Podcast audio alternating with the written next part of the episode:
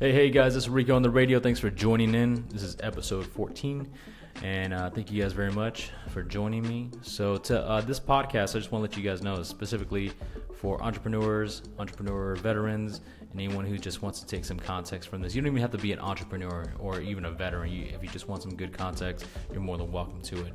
Um, if you guys haven't checked out some of the podcasts that I've been on uh, with regards promoting the book, The Rise of the Entrepreneur, and taking these theoretical applications and doing them into practical implementation. Check it out. Uh, Dan with uh, Vets to Biz Life. That was really, really cool podcast to be on. Uh, Cigars to Sea Stories. That was really fun. Uh, the Salty Veteran. That was really fucking funny. Uh, Patrick Antrim, of course, one of the great real estate investors. And the ones I'll be coming up on as Leatherneck Radio and Chris Hoffman. So if you guys can check those out and take a look, right? So today's podcast, right, is about fear, failure versus quitting, and the idea of failure and quitting. Okay, so let's start by saying this: you're gonna fail, no matter what you do in life, no matter what project you're on, job, relationship, stuff like that. You're gonna hit a point of failure. Okay, so what you need to do is just hurry up and fail. I think Tim Kennedy said it the best. He goes, "Great, no problem. Let me get in there. Let me hurry up and fail." So I can recognize that baseline, that that mile marker, and see what I did wrong. And then next time when I do the exact same repeatable process, whether it's running five miles or six miles, 100 miles, I know what those signs are and I can definitely see what's going on there and I can push past that point of pain and recognize saying, hey, that's just a point of failure.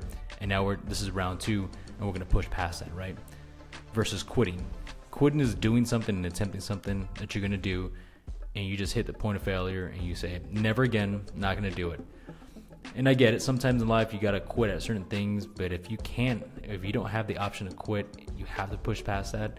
You gotta see it as a failure, right? And in a good way, the failure is just gonna help you build those skill sets to manage forward, right? So I'll give an example. Um, whenever I'm running in the morning, I'm going to hit a f- point of failure, and I know that. And the point of failure usually is at the 2.5 mile run mark, right? And what I did last time is I just hauled ass and I ran as fast as I could, and I got past that and it was a great day. It was an awesome day. Set new milestones, a marker. However, tomorrow, whenever I do that exact same mile run, I have to put that much more harder because I can recognize the pain, those mile markers, and that baseline. Okay, versus if I did this and I just quit. So the reason I want you to take these things into consideration is because it helps build those disciplines of process in your mind. All right. The other aspect of it is I would take out of this is your tactical exercise is look at your resources you have, what's in front of you, take a bird's eye point of view, and take a moment of glance, right? And say, hey, I'm all good here. Now it's time for me to, to implement and execute, right? So go out there, go out working out, go in your relationships, your projects, your jobs, or whatever, and go and handle business. And when you hit the moment of failure, stop, recognize it, and say, okay, this is my moment of truth and say, hey, I can push forward now and get back at it again. You might have to repeat all stops steps one through three all over again, but at least you know once you get to step three and it's a point of reference, you could push that much more harder and be that much more effective.